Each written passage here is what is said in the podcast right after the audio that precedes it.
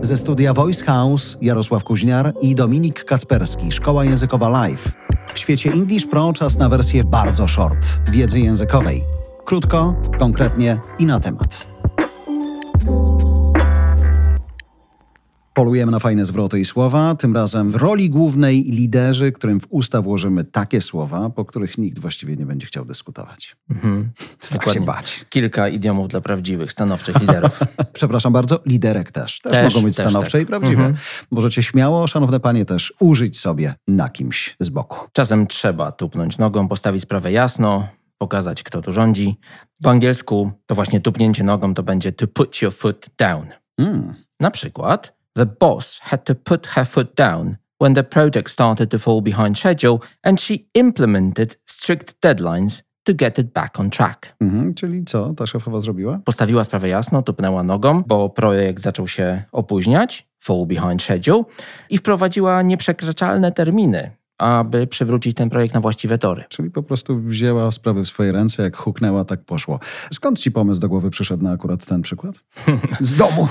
z, z domu i z firmy. Wiesz, e, moja partnerka Aga czasami, kiedy przychodzi co do czego, to puts her foot down. Okej. i Nie stawia dyskutujesz. wszystkich do pionu. Szczególnie z tymi nieprzekraczalnymi terminami. No dobra. To co, jeszcze jeden przykład? The manager had to put his foot down and enforce the company's policy on time off requests. Czyli menadżer musiał tupnąć nogą i przestrzegać polityki firmy dotyczącej wniosków urlopowych. The manager had to put his foot down and enforce the company's policy on time off requests. Dobra. Kolejne sformułowanie.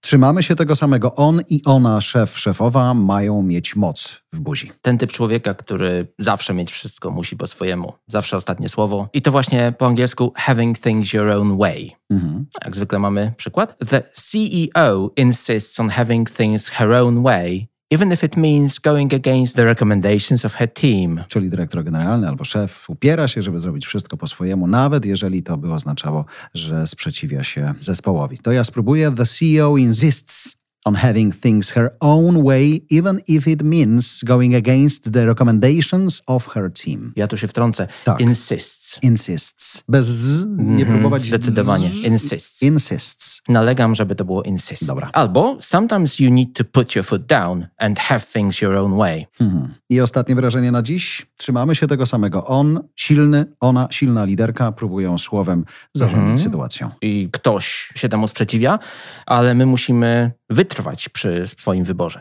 Stand your ground. No i na przykład wyobraźmy sobie, że klient sugeruje wykonanie zadania w jakimś kompletnie nierealistycznym terminie. Czyli na wczoraj. E, przepraszam, przedwczoraj. Dokładnie, a my musimy pozostać nieugięci. Jak to my? If a client asks for an unreasonable deadline, you may need to stand your ground and negotiate a more realistic timeline. Mm, parę ładnych słów. Czuję, że się wywrócę, więc idę w to.